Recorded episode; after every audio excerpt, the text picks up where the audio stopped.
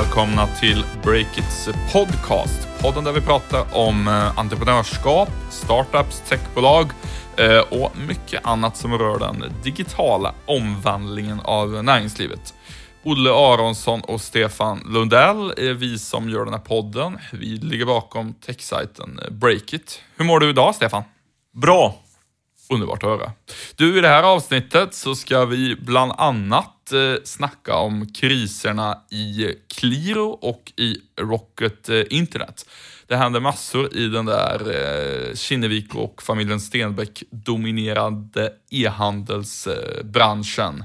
Eh, men innan det så har du, Stefan, en alldeles rykande färsk nyhet att släppa. Berätta. Ja, men precis. Uh, jo, efter, efter att uh, den här stora King-affären annonseras uh, före jul, eh, en 50 miljarders affär där King såldes till jätten som hette Eh, Activision Blizzard, ett av världens största spelföretag. Precis. Då var det många svenska killar, och framförallt killar var det, som blev jätterika när de sålde sina aktier där. Och vi har ju spekulerat lite grann, vad ska de hitta på med, med eh, de, de pengarna? De kan ju inte bara köpa fina hus och båtar och, och liknande. Eh, och nu har jag faktiskt eh, fått eh, svaret till viss del på den frågan. Eh, det är så att Grundarna bakom, eh, bakom King, eh, italienaren Riccardo Sacconi tror jag han heter. Sen har du ett gäng på fyra svenska killar som heter Thomas Hartvig, Patrik Stymne, Lars Marken och den kanske mest kända Sebastian Knutsson.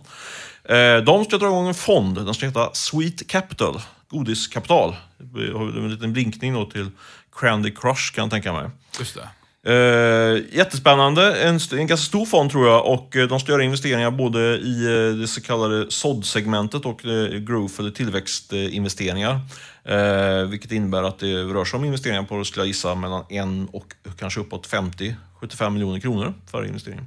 Har redan gjort första investeringen och det är en eh, dansk kille som heter Christian Dörfer, en investmentbanker som, som är den som eh, så att säga, operativt ansvarig. Men jag tror också att Sebastian Knutsson och de andra kommer att eh, agera ganska aktivt i den här fonden. Så det är spännande. Det är, det är kul att de eh, låter de där pengarna gå tillbaka in i ekosystemet. Men de fick ju loss rätt många miljarder. Alla pengarna gissar jag går kanske inte in i Sweet Capitals eh, fond. Nej, men så är det ju. Eh, men en del av pengarna har jag också fått från mina källor som brukar ha rätt bra koll. Kommer hamna i de här, några av de här stora techfonderna som just nu är på väg att resas. Vi har pratat om både Atomic och EQT kanske Crandom är på väg där med. Eh, så en del av pengarna pumpar de in så att säga, bakvägen i det svenska ekosystemet där. Eh, så det är bra. Eh, sen har jag också legat lite grann kring med vad, vad eh, grundarna bakom Minecraft ska göra för sina pengar. Där fick de ut eh, ännu mer pengar på en, eller inte mer pengar, men mer, färre, färre personer som delar på de pengarna. Eh, Marcus Notch Persson fick ut nästan 20 miljarder om jag minst rätt. Eh, så det är också intressant. Vad ska de pengarna ta vägen? Det var ju läst en del utav, om Marcus eh, Notch eh, Perssons lyxkonsumtion, men Eh, det roliga är ju såklart om det går vidare in i, och tillbaka till, till andra startups. Och när det gäller eh, Notch själv då, så tror jag att eh, utifrån det jag har grävt och pratat runt med folk så, så kommer han nog inte dra igång någon, någon egen fond. Han har investerat typ hälften av sina pengar i ganska tråkiga säkra placeringar som, som räntebärande papper och, och verkstadsaktier. och sen verkar han ju bränna resten av, av pengarna på inte jag, flygplan och hus och annat. men det kanske blir så att en, lite pengar sipprar ner också till, till adventure-scenen. Däremot Karl Manne, eh, det är en annan, eh, en annan profil i det här Mojang-gänget. Han är, har ju också en annan bakgrund än, än Notch som är liksom mer renodlad programmeringskille. Eh, Karl Manne har ju gått på Handelshögskolan och kan ju det där med, med plus och minus kan man tänka sig. Eh, han kommer vad jag förstår göra en del egna investeringar. Eh, inte säkert att det blir så mycket tech, men ändå en del egna investeringar. Och han fick ju loss en, sådär en, en och en halv miljard. Så det finns ju eh, potential för att pengarna även där går tillbaka till, till oss som är aktiva här i, på den svenska startup-scenen. Och han är ju den av dem som eh, beskrivs som ja, den mer businessorienterade personen som liksom fick bli VD när de skulle göra eh, om Mojang lite från så här privat, eh, men i och för sig väldigt lönsamt hobbyprojekt till ett riktigt företag och liksom styra upp strukturen här. Så är det. Och jag tror också att han kommer investera en del i de här techfonderna som är på väg ut på marknaden. Du, det är ju som vi pratade om tidigare en hel del pengar på väg ut. Och Eh, ja, på marknaden som ska investeras i nya bolag efter just att det är många som har sålt sina företag och fått mycket pengar på fickan, miljardbelopp. Eh, och eh, de kan ju också hjälpa till att det blir lite av en eh, mjuklandning snarare än en krasch i den svenska techindustrin, tror vi. Ja, men det tror vi. Vi pratade om det tidigare och eh, det har blivit mer och mer eh, säker i den tron. Hur säker man kan vara för, kring sånt där. Men eh, eh absolut tror jag det. Dels har vi de här stora fonderna som vi pratade om tidigare, men sen också då så kommer det ju liksom eh, lite grann under radarn då mycket pengar från de här, eh, från de här entreprenörerna som har cashat in jättestora summor. Eh, så det är ju väldigt positivt skulle jag säga. Jag träffade faktiskt en av de här killarna, männen som har sålt nyligen och fått en massa pengar killen bakom Sint eh, som såldes för ungefär en och en halv miljard. Vi rapporterade om det här för två veckor tror jag på Breakit. Han heter Bo Mattsson, en riktig profil. Eh, och han har ju absolut för avsikt att eh, skicka tillbaks pengarna in i system så att säga. Och eh, han presenterar en ganska spä ny spännande modell för mig. Alltså normalt sett så brukar man kanske göra investeringar i, eh, i eh, mer såddinvesteringar i entreprenörsidéer och entreprenörer som man tror på. Men han har tänkt sätta upp en liten, ska man säga, eh, växthus för, för blivande spännande startups. Hans tanke är att han eh, kommer rekrytera ett gäng programmerare och han har väldigt mycket egen, egna idéer också som han inte hinner göra, förverkliga själv. Eh, så han tänker sig att han bygger upp eh, små bolag där och sen plockar han in entreprenörer utan idéer kan man säga, som ska driva det. Rätt bra. Vad tror du om det konceptet? Eh, jag tycker det är uppfriskande på många sätt att man liksom inte lyfter fram det här att um ja, man ska hitta, att det inte är så att man ska hitta en person som har den bästa idén, för att det är alltid genomförandet som är grejen. Det finns ju något lite attraktivt i det, att man bara hittar någon som är en, en superdoer, som kan genomföra, men inte har en idé. Just det. Kan genomföra de där, eh, de där eh, idéerna. Det, det påminner ju lite grann om så som eh, Eh, Rocket Internet, som vi ska prata lite mer senare i podden, har gjort med viss framgång och eventuellt nu med lite mindre eh, framgång. Eh, nu är det kanske inte den typen av bolag som de har satt upp som han har tänkt köra, men eh, det är ju ett sätt att få mycket gjort på kort tid i vart fall, det tror jag. Miss Hosting är vår sponsor denna vecka, liksom så många gånger tidigare. Miss Hosting är ju verkligen ett bolag att lita på, eller vad säger du Olle? Verkligen. Vi är ju fortfarande en ung mediestartup som visserligen har fått en eh, bra start, men vi är Eh, långt ifrån helt på säker mark ekonomiskt. Ja men precis, och just därför, det är just därför jag tycker att det känns väldigt skönt att ha sponsorer som Miss Hosting som liksom vecka ut och vecka in backar upp oss. Eh, det gillar vi och eh, just därför tycker jag att du, ska, du som lyssnar på den här podden ska använda dig av Miss Hosting när du får tillfälle. Nästa gång du ska kanske sätta upp en ny sajt eller kanske behöver någon annan hjälp av Miss Hosting. Då gynnar du också den typen av journalistik som vi producerar genom att eh, ja, helt enkelt köpa deras tjänster. Så är det verkligen. Och vill du ha mer information om Miss Hostings tjänster och erbjudanden så kan du gå in på breakit.se och klicka dig in bland våra supporters där. Där hittar du allt du behöver veta. Gör det med en gång. Eh, och eh, med detta så tackar vi Miss Hosting för deras support denna vecka. Nu ska vi prata om det allt mer krisande, måste man säga, Qliro, börsnoterade Qliro, som eh, tidigare hette CDON. De hade kommit med en rapport igår onsdag och eh, som vanligt, är jag benägen att säga, så överraskar den negativt. Eh, både när man tittar på resultatet, sen så aviserar de också att de skulle sparka eller göra sig av med 35 personer inom CDON. Varför vänder det aldrig för Qliro? Vad säger du, Olle? Ja, det är, om det är tvistar eller är det. Det är ju så, vi kan ju dra lite bakgrund där. För det första då, Paul Fischbein, eh, VDn, han ska ju sluta, det var klart sedan tidigare. Uh, och kritiken mot honom ska vara att han är inte så bra på att fatta beslut och liksom inte så bra på att sätta ner foten. Och när han väl sätter ner foten, då är han inte så bra på att se till att beslutet faktiskt blir genomfört. Ingen doer då, som Bo, hette han Bo? Bo Mattsson. Bo Mattsson söker. Nej, det, det, är nog inte den typen av person som han är ute efter. Och sen ett annat problem det är ju att eh, CDON-gruppen, eller ja, Qliro som det numera heter, det är uppdelat i flera olika bolag som säljer olika saker. Eh, Kylskåp är en del, kläder är en del och så vidare. Och där har man inte samordnat lager eh, och inte samordnat teknikutveckling, vilket ju till exempel företag som Amazon gör. Eh, och det låter ju lite som en no-brainer. Att man inte, varför, det är väl själva idén när man sätter ihop en liksom, konglomerat av bolag, att man ska få de här synergierna. Precis, eh, och det skulle förmodligen krävas, det är många som har bra koll på det här bolaget, att för att få upp lönsamheten och få riktigt bra fart på tillväxten, att man gjorde en sån där samordning göra en kraftfull eh, apparat. Det blir, väl, det blir väl ett intressant vägval med, med nästa VD. Men det man kan säga är att det finns ju, det finns ju skäl då till eh, varför man ändå inte har gjort den här, den här samordningen som på ett operativt plan nog skulle behövas.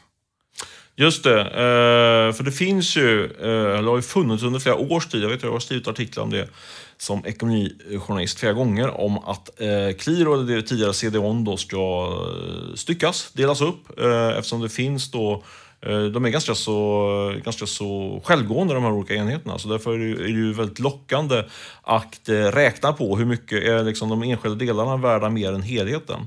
Exakt, och där kan man ju säga då att om de skulle samordna allt lager och teknik, då skulle det vara svårare att sälja av det bit för bit, så att säga. Just för att då skulle man liksom behöva ja, bygga en ny teknikplattform och lager för det om man inte fick vara med i den stora helheten. Om man sålde av bara kylskåpsdelen till exempel. Så är det. Eh, men som sagt, det spekuleras nu igen då om att man ska stycka bolaget. Jag personligen är lite skeptisk eh, mot detta. Eh, men innan vi tar våra respektive åsikter om detta kan vi göra en snabb genomgång av vad som, som finns i, i Qliro i dagsläget. Yes! Det bjuder jag gärna på. Um, även den största delen, det är eh, CDON då, den gamla delen som säljer DVD och sånt. Nu försöker de bli en marknadsplats och även sälja saker åt andra e-handlare. Eh, och ja, de omsätter 1,8 miljarder, försäljningen krymper, de gör ingen vinst. Ehm, sen har vi Nelly, näst störst, omsätter 1,2 miljarder, går med förlust. Gymgrossisten eh, har väl lite grann varit den lönsamma snabbväxande stjärnan, men det har dalat lite nu på sistone. Eh, men de gör ändå 47 miljoner i, eh, i vinst, vilket är en rörelsemarginal på lite över 5% i nuläget. Omsätter 850 miljoner. Och sen har vi kylskåpsdelen, då vitvarudelen 30, gör inte heller någon vinst, men omsätter 750 miljoner. Och så har vi det riktiga sorgebarnet, lek, eh, leksakshandlaren Lekmer, som eh, blöder pengar och eh, enligt eh, en analys jag läste igår eh, eh, värderas till noll kronor.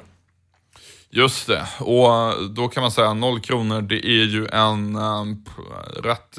Man kan tycka att det är en låg prislapp i och med att bolaget ändå säljer för 480 miljoner. Men då ska man säga att det här är ett bolag som verkligen är i kris just nu. Eh, de gjorde en förlust under förra helåret på 77 miljoner och det här beror mycket på eh, lagerkrångel de har haft. Eh, det är ju så att om man kränger leksaker på nätet, då är ju fjärde kvartalet, alltså julen, det klart viktigaste. Och precis innan fjärde kvartalet så hade CDON fortfarande, eller Lekmer hade fortfarande massa problem med sitt nya lager. Däremot så kanske man sitter på ett potentiellt guldägg i Clearo Finals Service som är, vi kallar det för en, en eh, potentiell Klarna-dödare. Det var nog en grov överdrift i den rubriken. Men de, de jobbar precis med det som Klarna gör, hjälper till med, med betalningar. Eh, de eh, ser ut att gå med vinst under det här året och enligt samma analys som var från SCB som jag läste igår så räknar man med att de faktiskt ska tjäna runt 100 miljoner kronor 2018. Så där finns det ju betydande potentiella värden. Det ska ju jämföras med Qliro som nu har ett marknadsvärde på dryga miljarden. Så har man en, en enskild verksamhet som drar in 100 miljoner så, så eh, ser det ju bra ut.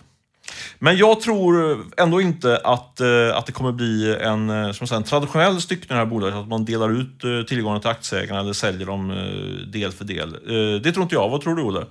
Jag tror att de kommer sälja dem uh, del för del. Um, det är väl därför som de inte har samordnat teknik och lager. Så jag tror att de säljer av bit för bit uh, och det de har kvar, uh, det tror jag blir just Clear Financial Services. Och det har jag hört från personer med insyn i det också, att det ser ut att vara planen. Att man ska stycka upp det? Ja, alltså inte en styckning är att man delar ut dem på börsen bit för bit, utan att man... Det, det, det skulle det kunna bli också, men man kan... Ja, Ställare. Intressant. Hur bra är de källorna? Är det något vi kan skriva på break.se? Att de... Nej, men det, så, det är liksom inte, jag tycker inte det är skrivvärt som en nyhet på det sättet. Men... Eh, jag vet vi pumpar ut. När vi inte vet riktigt, då dunkar vi ut det i podden. alltså, Nej, men det, det är bra med podd att det är mycket friare. Det är mycket friare. Ja, men nyansera då. Varför, varför, skriver du inte det, men du tror ändå på det? Nej, men att det just det att det bygger liksom på vad folk som finns, eh, som har bra koll på hur deras organisation liksom funkar nu. Men de att, vet inte. De, de, de, bara, de gör en, utifrån att de kan organisationen och hur de tänker så säger de så att det är troligt att de gör det här. Men det är inte så att de vet att det är en sån process på gång. Är det så? Ja, men eh, exakt. Och att det det Bra, men då, då säger jag så här då. Eh, jag tror eh, att det blir en variant av det här. Jag tror att Kinnevik som är största ägaren utav, av, av Qliro har fått pumpat in väldigt mycket pengar i olika nyemissioner. De låter eh, de minoritetsägarna svältas ut ytterligare lite grann och så tvingas de göra ytterligare en nyemission och efter det så slår de till och lägger ett bud som är rejält sockrat men väldigt lågt med tanke på vad värdet var tidigare. Och sen så styckar de upp eh, bolaget men behåller, precis som du eh, indikerar här, betaltjänsten Financial Service. Vi får se vem som får rätt, jag eller Olle. Jag vet inte, vi har tyvärr ingenstans att satsa pengar, men ni får ju följa oss i podden eller nyhetsflödet kanske på breaket så får ni höra vad som händer.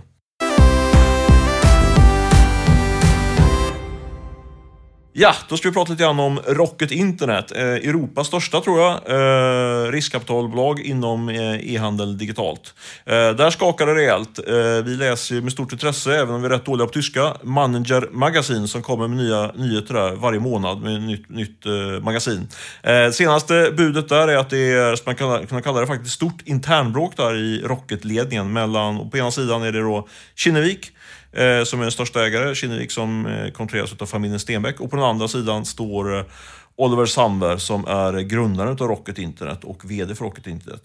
Det är bråk där på flera fronter. Man har haft eh, olika åsikter om eh, börsnotering inte börsnotering och investeringar och så vidare och så vidare. Vad säger vi om det där Olle? Jo, men eh, man kan väl säga att det, det, är en extremt tuff situation just nu för Rocket. Flera toppchefer har nyligen slutat, aktien rasar och bolaget är ju bland annat efter flera väldigt initierade granskningar i Financial Times som ifrågasätter vilka värderingar de har på den egna portföljen så är bolaget ganska misstrott av investerarkollektivet, det kan man väl säga.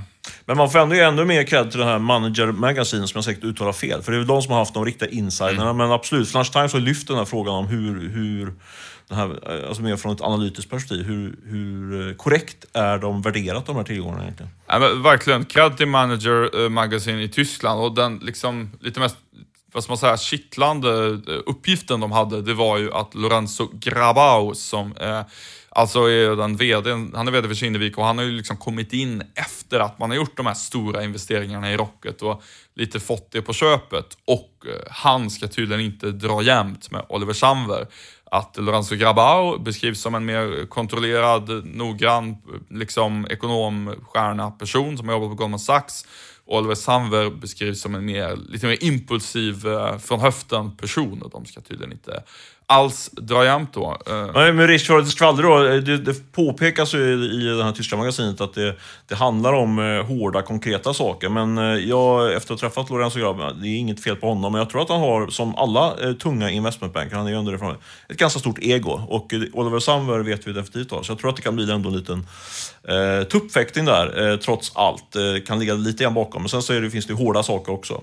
Ja, och en eh, hård, tydlig sak som inte måste liksom betyda eh, tecken på osämja, men som ändå, ja, det är vad det är. Det är att den senaste stora nya investeringen som Kinnevik gjorde i, i, i det brittiska digitala vårdbolaget Babylon, den gjordes då helt utan Rockets eh, inblandning.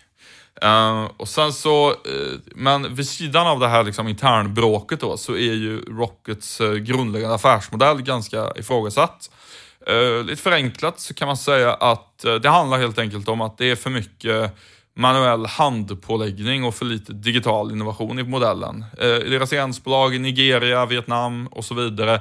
Det handlar för mycket om att man skickar ut folk på stan som åker ut med en motorcykel och lämnar över prylar och tar betalt i kontant. Och, ja, man får inte den effektiviteten som det till exempel ändå är i Sverige när alla e-handelspaket skickas till um, ja, ett ICA eller vad det nu är där folk går och hämtar ut det själva. Det blir ju liksom en, en mycket mer finansiellt effektiv modell. Eh, och de här företagen i, har ju ofta en sån situation att det är inte så att de omsätter 100 miljoner och gör liksom 50 förlust, utan ofta kan de omsätta 100 miljoner och göra över 100 i förlust. Det är ju extremt saftigt. Eh, och samtidigt surnar ju finansmarknaden nu. Eh, börsen går ner, Rockets aktie går ner ännu mer än börsen i genomsnitt och Oliver Samver har då eh, lovat eh, förra året att eh, eh, börskursen, eller så här, eh, han ska inte ta in mer pengar via nyemission från ägarna.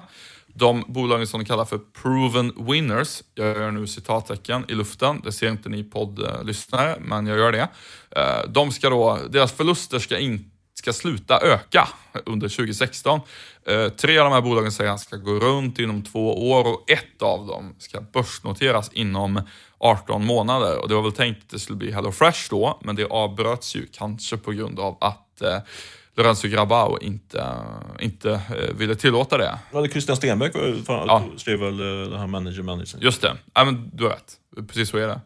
Det där är ju en potentiell krasch. Det är många svenskar, duktiga personer som har gått på handel som jobbar runt om i världen på alla de här Rockets eh, e-handelsfabriker som eh, kan bli ganska besvikna om eh, Rocket inte får in mer pengar från aktiemarknaden och liksom inte kan finansiera upp de här svårt blödande verksamheterna runt om i världen mer. Det, det, det finns då en, en riktig reell risk för att en del verksamheter faktiskt tvingas eh, Ja, skrivs, värdet skrivs ner och man kanske tvingas stänga en del eh, saker. Det är nog tyvärr så illa skulle jag eh, nog faktiskt säga.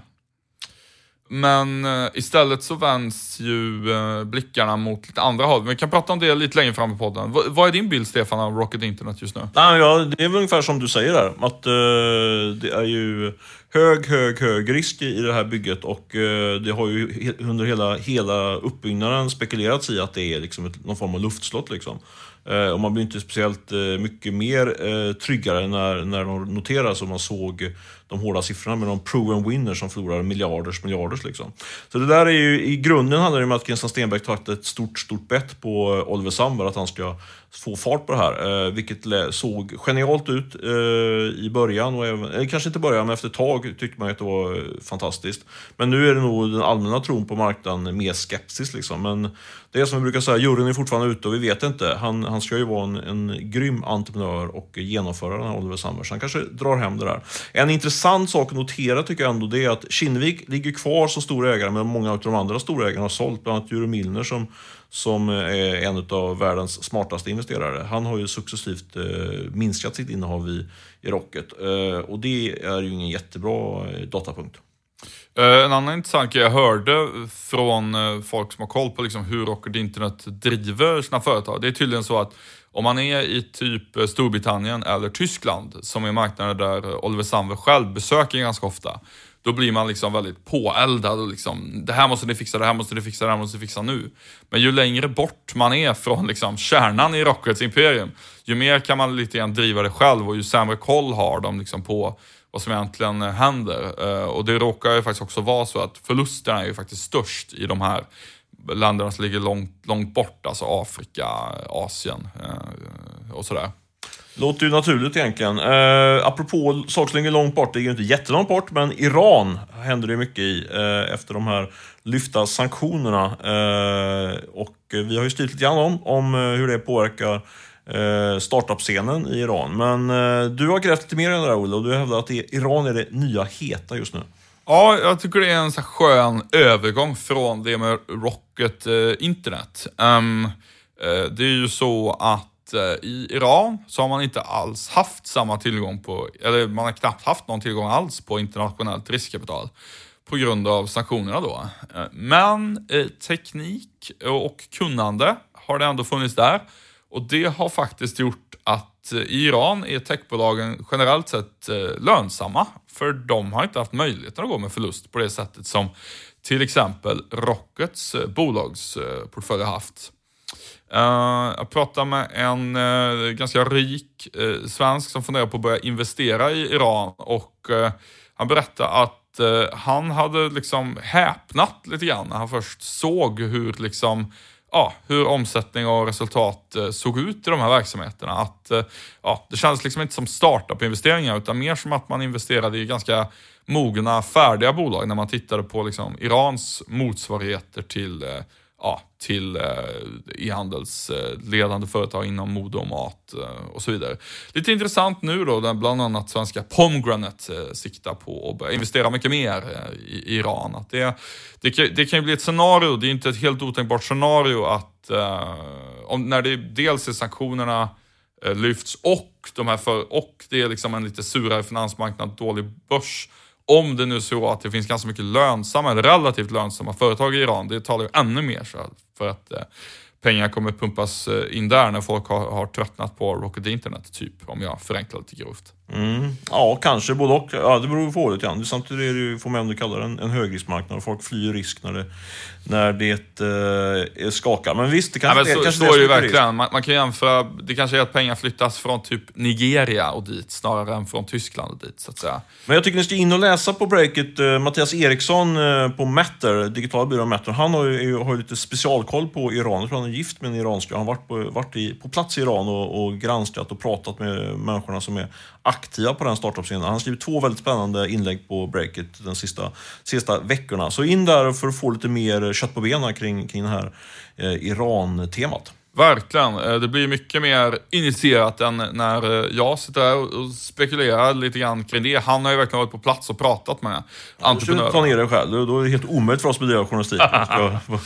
Vi sitter här på vår redaktion på, på Riddargatan i Stockholm och tycker och tänker om allt möjligt. Men eh, det går ju bra i vissa fall i alla fall. Gå in och kolla om det går bra eller dåligt på breakit.se redan nu och sen under helgen. Vi har bra fart eh, på både på trafiken men också på nyhetsflödet i helgen. Så det tycker jag ni ska göra. Det är dags att runda av här annars. Eller har vi något mer att berätta? Nej, eh, jag är nöjd så med den här podden. Vi tackar Beppo ljudproduktion på Södermalm som spelade in det här eh, på länk eh, därifrån medan vi sitter här på andra sidan Gamla stan. Burgna, Östermalm. Exakt, här strax i närheten av restaurang Rish där eliten minglar. Men Beppo spelade in och klippte det här. Tack för det. Fortsätt läs oss, följ oss på Eh, Twitter, eh, registrera er på nyhetsbrevet och följ Breakit på startsidan varje dag. Det var väl det. Ha det bra, hej hej! Ha det gott, hej!